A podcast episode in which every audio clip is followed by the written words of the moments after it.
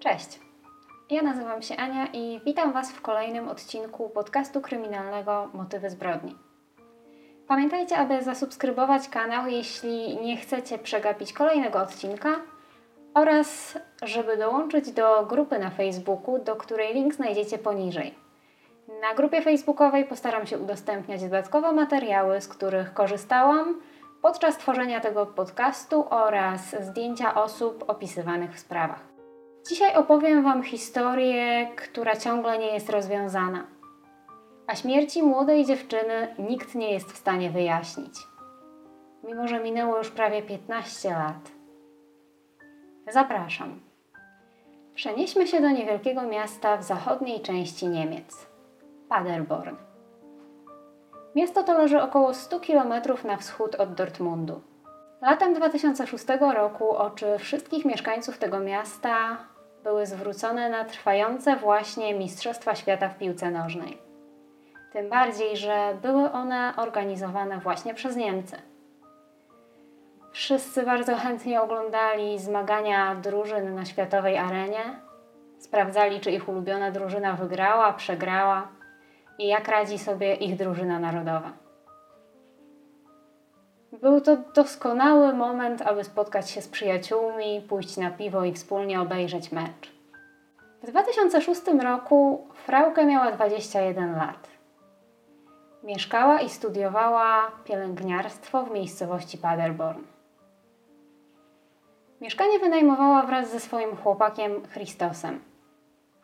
Był to jej były chłopak, ale dogadywali się na tyle dobrze, że tak naprawdę nie było powodu, dla którego nie mogliby mieszkać razem. Wciąż byli przyjaciółmi, lubili razem rozmawiać, a dzielenie mieszkania znacznie obniżało jego koszt.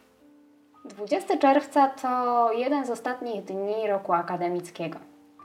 Jednak Frauke nie opuszczała zajęć i starała się być na wszystkich do końca – mimo że słońce już świeciło, wszyscy świetnie się zaczynali bawić i tak naprawdę chodzenie na zajęcia nie było priorytetem jej znajomych. Dlatego też poranek 20 czerwca we wtorek Frauke spędziła na zajęciach.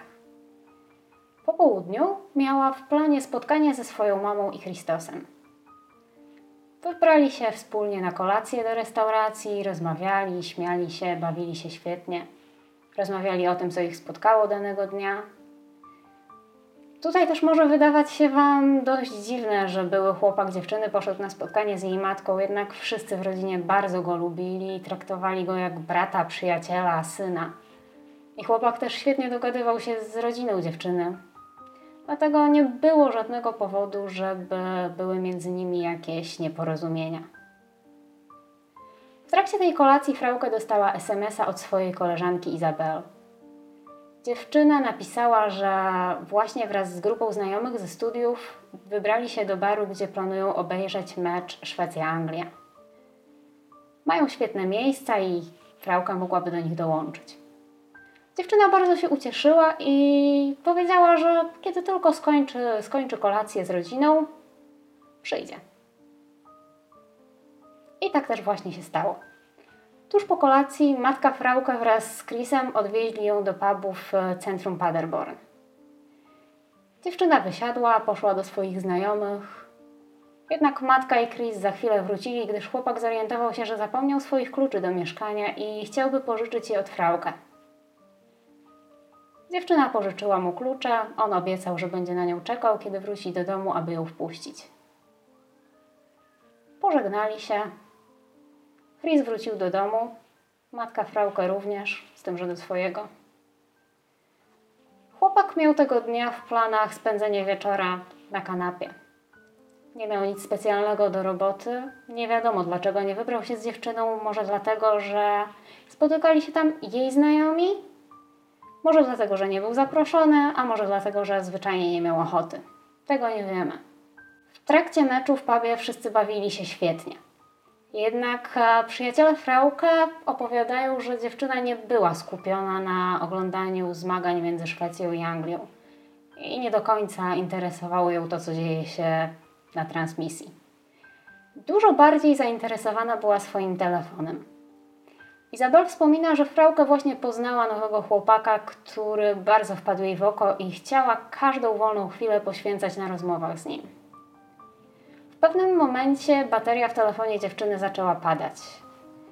Ale był to rok 2006, więc jej koleżanka, która miała bardzo podobny telefon, pożyczyła jej swoją baterię i Frauke nadal mogła cieszyć się z SMS-owania. Wszyscy świetnie się bawili i mecz dobiegał końca. Było około 23. Dziewczyna jako pierwsza zaczęła zbierać swoje rzeczy i, i powiedziała wszystkim, że wraca do domu, bo czeka na nią Chris i nie chciałaby, żeby musiał siedzieć zbyt długo. Przed drzwiami oddała jeszcze baterię ze swojego telefonu, którą pożyczyła od koleżanki i wyszła. Jak wiadomo, Frauke miała w portfelu nie więcej niż 5 euro i nie miała za bardzo możliwości wzięcia taksówki, a w związku z tym, że bar oddalony był od jej mieszkania około 1,5 kilometra, nie był to jakiś bardzo duży problem, aby przejść się spacerem. Był czerwiec, noc była ciepła, nie było daleko. I tak też dziewczyna postanowiła. Jednak nie zapukała do drzwi swojego mieszkania za 20 minut, ani też za 30 minut. 49 minut po północy Chris otrzymuje SMS-a z telefonu Frauka. Treść SMS-a brzmiała następująco. Wrócę później. Mecz był zabawny. Nie przeciwko Anglii. Kocham Cię bardzo. Do zobaczenia. Chłopak po chwili postanowił, że oddzwoni do dziewczyny i spróbuje się dowiedzieć, o której ona planuje wrócić, żeby nie zasnąć, móc wpuścić ją do domu, bo, bo w sumie on czeka na nią. Ona nie ma kluczy, on je zabrał, więc fajnie byłoby się jakoś dogadać. Próbował do niej dzwonić raz, drugi, natomiast telefon dziewczyny nie odpowiadał. Chris pomyślał, że Frauka świetnie się bawi ze swoimi przyjaciółmi i nie ma większego problemu, żeby próbować się do niej dodzwonić. Jakoś go obudzi, ewentualnie przenocują koleżanki. Następnego dnia rano Izabel szuka na uczelni Fraukę. Nigdzie nie może znaleźć dziewczyny, widzi, że jest nieobecna, a wiedziała doskonale, jak bardzo zależy jej na, na zajęciach i na tym, aby nie stracić niczego, mimo że już prawie koniec roku. Na początku pomyślała, że dziewczyna może zaspała, jednak najpierw zapytała profesora o to, czy Frauke może nie zgłosiła jakiegoś powodu swojej nieobecności. Nikt nic nie wiedział na temat tego, dlaczego dziewczyny nie ma.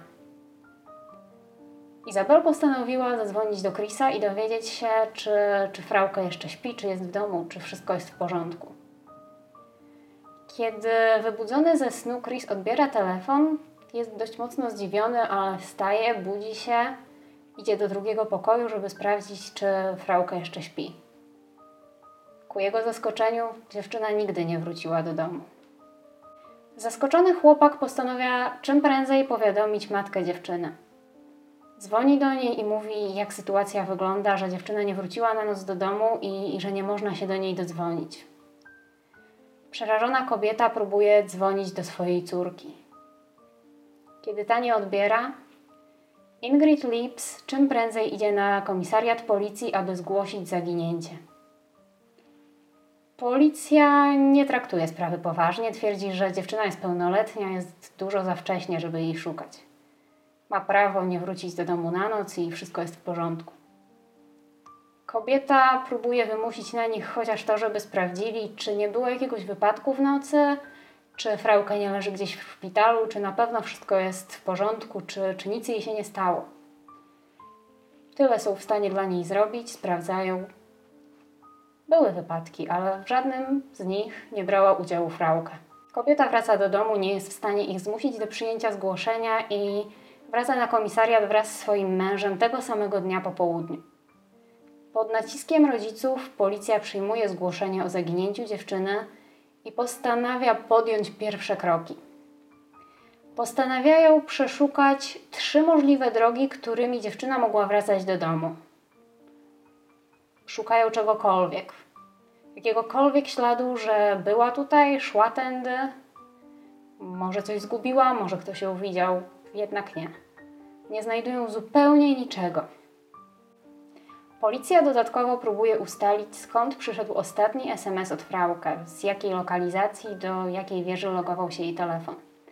Okazuje się, że dziewczyna w momencie wysłania SMS-a do Chrisa 49 minut po północy znajdowała się nieopodal miejscowości Neyheim, która leży 35 km od Paderborn.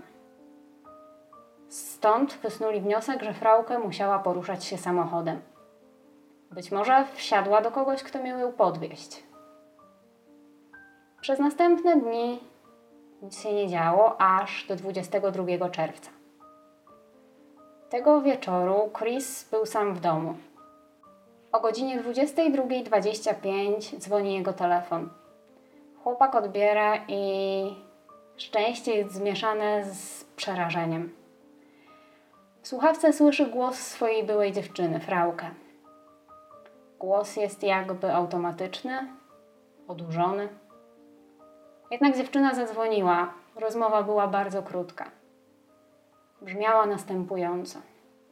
Halo, Christos? Chciałabym powiedzieć, że u mnie wszystko w porządku i niedługo wrócę do domu. Powiedz mamie, tacie i innym. Po tych słowach frauka się rozłączyła. Christos nie zdążył nawet zadać żadnego pytania.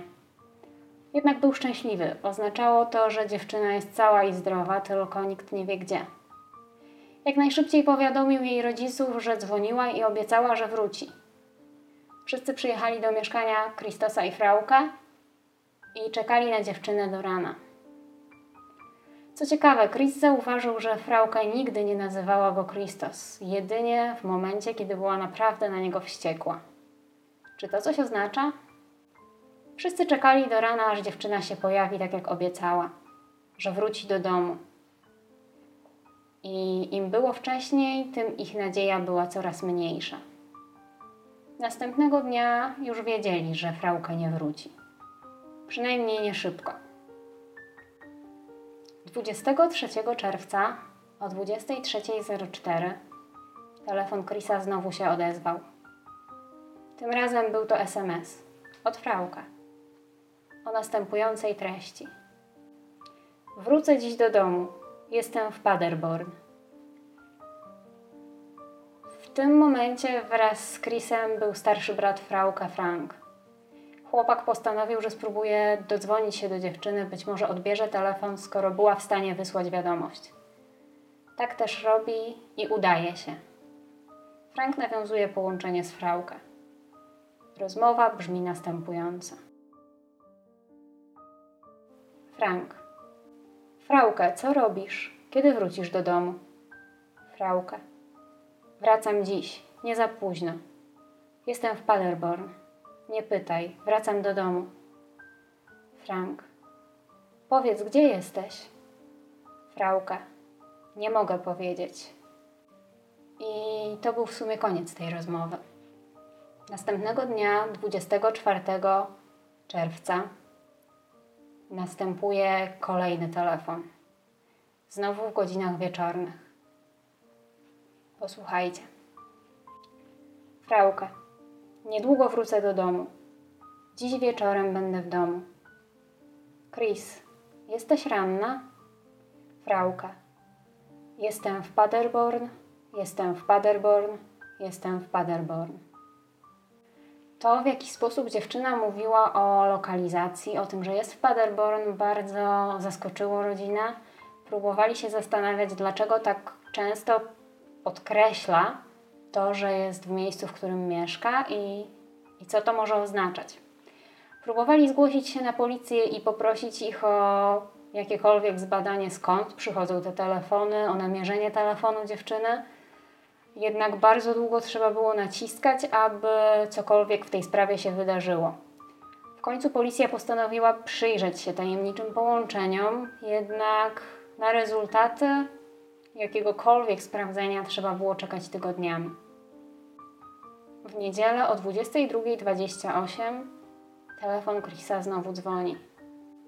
Frauka. Wracam dziś do domu. Chris. Jesteś w niebezpieczeństwie? Frauka. Nie. Chris. Dlaczego nie wróciłaś wczoraj do domu? Frauka. Nie mogę powiedzieć. Chris. Gdzie jesteś? Frauke. Wyjaśnię ci, jak będę w domu.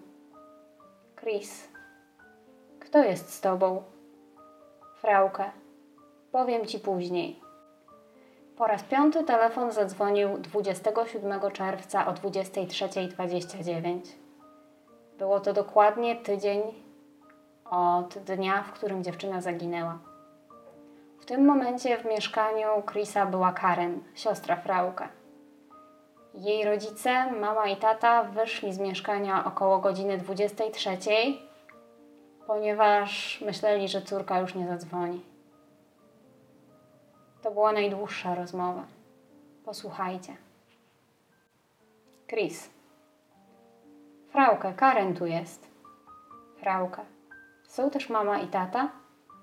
Chris. Oni już wyszli. Poczekaj, włączę cię na głośnik.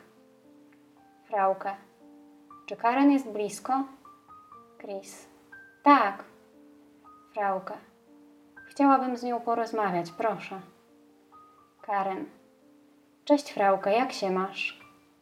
Frauke. Proszę, nie pytaj. Karen.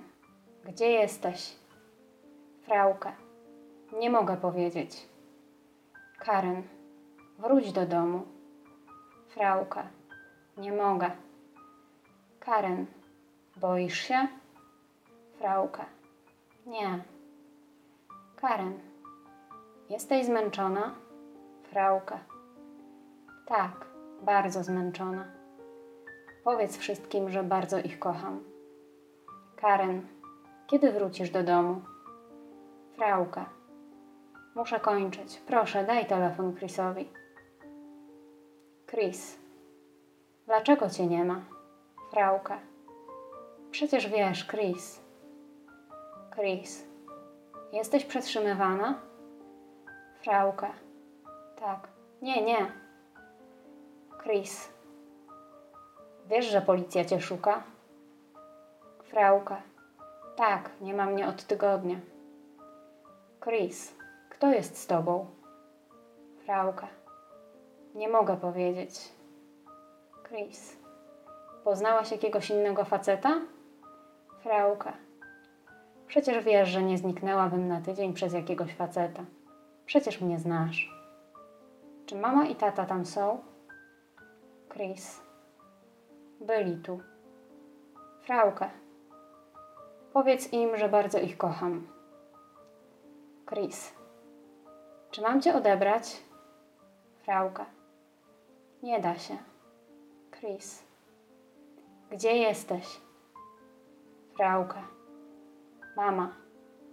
Chris. Gdzie jesteś? Frauke.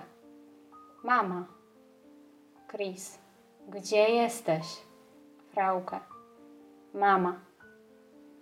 Chris. Boisz się wrócić? Frauke. Nie. Chris. Posprzątamy mieszkanie i nikt nie będzie pytał, co się stało. Tylko wróć do domu. Frauke. Nie da się. Jeszcze żyję. Chris. Jesteś z jedną osobą, czy jest ich więcej? Frauke. Proszę, nie pytaj. Chciałabym być z wami. Chciałabym wrócić do domu. Chris. Kiedy znowu zadzwonisz? Frauke. Nie wiem. Chris. Proszę, dzwoń codziennie. Frauke. Tak, będę. Na razie. I to była najdłuższa rozmowa, jaką odbyli. Była to też ostatnia rozmowa, jaką odbyli. Frauke nigdy więcej nie zadzwoniła. Chris i Karen zauważyli, że głos dziewczyny był zmęczony. Ona była zmęczona. W końcu minął tydzień, od kiedy ostatni raz była widziana i nie wiadomo, co się z nią działo tak naprawdę. Wszyscy zaczęli się też zastanawiać, co oznaczała odpowiedź na pytanie, gdzie jesteś. Dlaczego Frauka mówiła mama?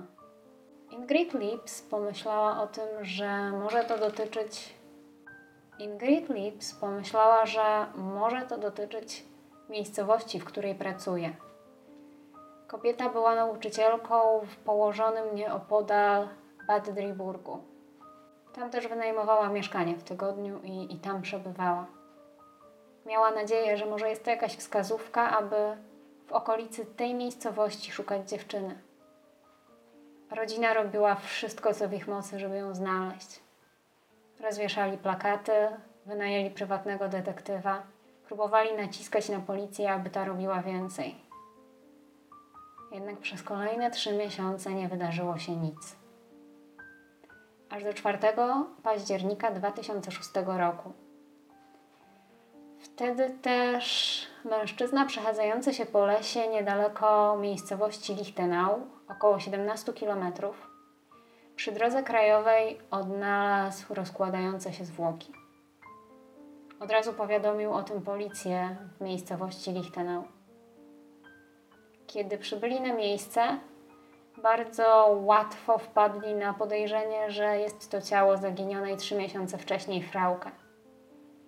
Zwłoki miały na sobie te same ubrania, które miała dziewczyna ostatniego dnia, kiedy była widziana. Nie znaleziono przy niej jedynie torebki, telefonu, portfela oraz zegarka. Tydzień później po zbadaniu zwłok okazało się, że rzeczywiście jest to ciało frauka. Niestety było w tak daleko posuniętym stanie rozkładu, że nie udało się ustalić, jaka była przyczyna śmierci, ani też kiedy dokładnie umarła. Jedyne, co udało się wywnioskować, to to, że umarła niedługo po ostatniej rozmowie. Przez następne tygodnie, miesiące policja próbowała znaleźć cokolwiek. Przesłuchiwała świadków, rodzinę, przyjaciół, znajomych dziewczyny, około 900 osób łącznie. Wytypowali kilku podejrzanych. Jednak wszyscy zostali oczyszczeni po przedstawieniu alibi. Kolejnym krokiem było odezwanie się do społeczeństwa i poprzez reklamy, prośby i ogłoszenia w gazetach, ogłoszenia rozwieszane na słupach ogłoszeń, prosili o to, aby ktokolwiek, kto widział cokolwiek wtedy, albo ma jakiekolwiek podejrzenie, gdzie dziewczyna mogła być przetrzymywana, zgłosił się i, i powiedział, co wie. Być może uda im się znaleźć chociaż jakiś trop. Otrzymali kilka zgłoszeń, natomiast żaden z nich nie, nie został potwierdzony. Rzeczą, która wydaje się jednak dość pewna, jest to, że dziewczyna musiała być przetrzymywana niedaleko miejscowości Najheim ponieważ to stamtąd odbyły się wszystkie rozmowy. Teraz też zobaczycie mniej więcej taką mapę z zaznaczonymi miejscami, które były jakkolwiek w tej sprawie zamieszane, z miejscem zamieszkania Frauke, z miejscem, w którym prawdopodobnie była przetrzymywana. Około 10 lat później, trochę ponad, w 2017 roku pojawiła się nadzieja na rozwiązanie sprawy Frauke Lips.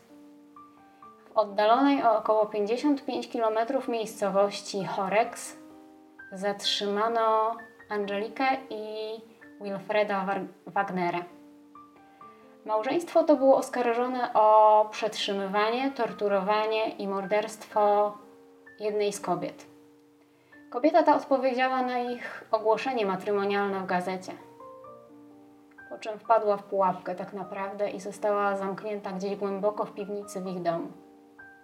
Co ciekawe, w trakcie procesu okazało się, że nie była to jedyna ofiara państwa Wagner. Policja podejrzewała, że być może Frauke również padła ofiarą starszego małżeństwa. Szukali jakichkolwiek śladów dziewczyny w ich domu, jednak nic nie udało się odnaleźć, stąd też Brak jakiegokolwiek potwierdzenia, że Frauke była w ogóle powiązana z Angeliką i Ulfredem Wagnerami. To już koniec tej historii. Tajemnica do dziś pozostaje tajemnicą. Być może gdyby ktoś wcześniej zareagował na prośby rodziny, gdyby ktoś wcześniej wziął pod uwagę dziwne telefony, dziewczynę udałoby się odnaleźć całą i zdrową. Dajcie znać, co Wy myślicie o tej sprawie. Czy słyszeliście o niej? I pamiętajcie o zasubskrybowaniu kanału, żeby nie przegapić kolejnego odcinka, a także o dołączeniu do grupy na Facebooku, gdzie możecie zobaczyć troszeczkę więcej materiałów na ten temat. Do zobaczenia. Cześć.